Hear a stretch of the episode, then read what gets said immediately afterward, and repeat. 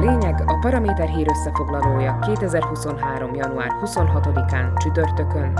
A nap legfontosabb eseményeit ma Sidó Árpád válogatta és kommentálja. A mikrofonnál Kuklis Katalin. A lényeg támogatója a Kaufland, ahol az új év árzuhanással kezdődik. Szerdán még úgy tudtuk, pénteken végleges döntés születhet az előrehozott választások időpontjáról. Aztán jött a csütörtök, és most már az a biztos, hogy a képviselők az utolsó lehetséges időpontban, a hónap utolsó napján, azaz kedden szavaznak erről a dátumról. Ami változatlan az az, hogy a korábbi kormánykoalíciós banda többsége által támogatott javaslat szeptember végére tenni az új választást. Az ellenzék legerősebbjei két másik időpontot is javasolnak. A Smer májusban, Peter Pellegriniék meg júniusban szólítanák az embereket az urnákhoz. Ahogy a választási ciklus lerövidítését lehetővé tevő tegnapi alkotmánymódosításkor az előrehozott választásokról szóló határozatot is legalább 90 képviselő képviselőnek kell elfogadnia, ezért az ex-koalíciós pártok által benyújtott változat jóváhagyására van a legnagyobb esély. Főleg, mert a több sebből vérző, de még így is legerősebb kormánypárt, az Olano, csak a szeptemberi határidőt tartotta egyedül üdvösnek. Ahogy az lenni szokott, a Smerodina kicsit kilóg az újra összeállt koalícióból, Boris Kollárék az időpont kérdésében több kapura játszanak. A házelnök pártja arról beszélt, hogy minden evők megszavaznak mindent, ami csak szembe jön velük, legyen szó májusi, júniusi, esetleg szeptemberi időpontról, és amelyik megkapja a szükséges támogatást, majd akkor kerül sor a parlamenti megmérettetésre.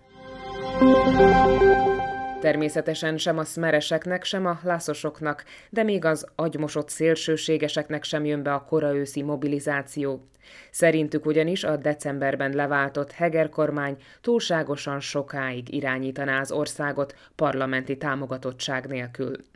Robert Fico, aki valamilyen fura szempontból állítólag kiérdemli a tiszteletünket, szóval ez az áldott jó ember fel is vázolta azt a fordított helyzetet, hogy mi lenne, ha egy általa vezetett kabinettől vonta volna meg a bizalmat a törvényhozás, és még tíz hónapig ülne a nyakunkon. Hát ebbe belegondolni is szörnyű, és szerencsére most nem ez a felállás, hanem az, hogy szeptemberig kaptak haladékot a bűnüldöző szervek arra, hogy levadásszák az előző ciklusban maffia-szerűen működő politikusokat.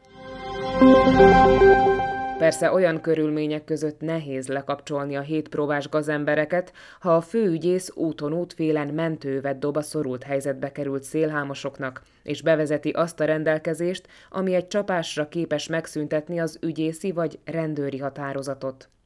Ebből most lett elege Zuzana Csaputová köztársasági elnöknek, aki fogta magát és az alkotmánybíróságra küldte a vitatott 363-as paragrafust – Elvégre tűrhetetlen, hogy egyesek aránytalanul beavatkoznak a bírói hatalom függetlenségébe, aminek köszönhetően az olyan jó fejek is fellélegezhettek, mint a minket évekig szivató Fico, és az ő dac drukkerek megveretésében jeleskedő ex-koronahercege Robert Kalinyák. Közben meg így, hogy már sejteni, mikor szavazunk az új parlament összetételéről, elkezdődött, azaz inkább csak folytatódik az ország leghosszabb választási hadjárata. Igor Matovics a pénzügyminisztériumból éppen, hogy visszatért a parlamentbe, és a jelek szerint nem lógatja tétlenül a lábait, inkább egy javaslat beterjesztését tervezi, aminek sok kollégája nem igen örül majd. Az Olano vezetője legújabban azt szorgalmazza, hogy radikálisan csökkentsék a parlamenti képviselők fizetését, mégpedig a jelenlegi 6000 euróról 2000-re.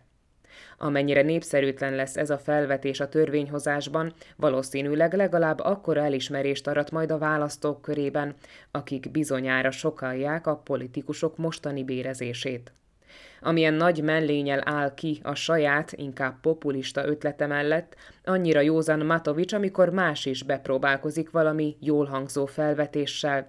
Ez látható akkor, amikor a Smerodina is spekulálni kezdett, és az egyik emberük elő is rukkolt azzal, hogy ebben az inflációval sújtott világunkban legyen ingyenes az iskolai étkeztetés. A volt pénzügyminiszter szerint azonban nem eszik olyan forrónak ását, és veszélyes lenne visszaállítani a díjmentes menzát az alap- és középiskolákban, ugyanis az nagymértékben veszélyeztetné a közfinanszírozást. Röviden összefoglalva, az ex-koalíció még el sem fogadta az előrehozott választások időpontját, de már belevágtak a kampányukba, amivel láthatóan egymást is zavarják. Elképzelni is durva, mi lesz itt, ha ez a népszerűség hajhászásba belefeledkező régi új csapat marad itt a nyakunkon szeptemberig.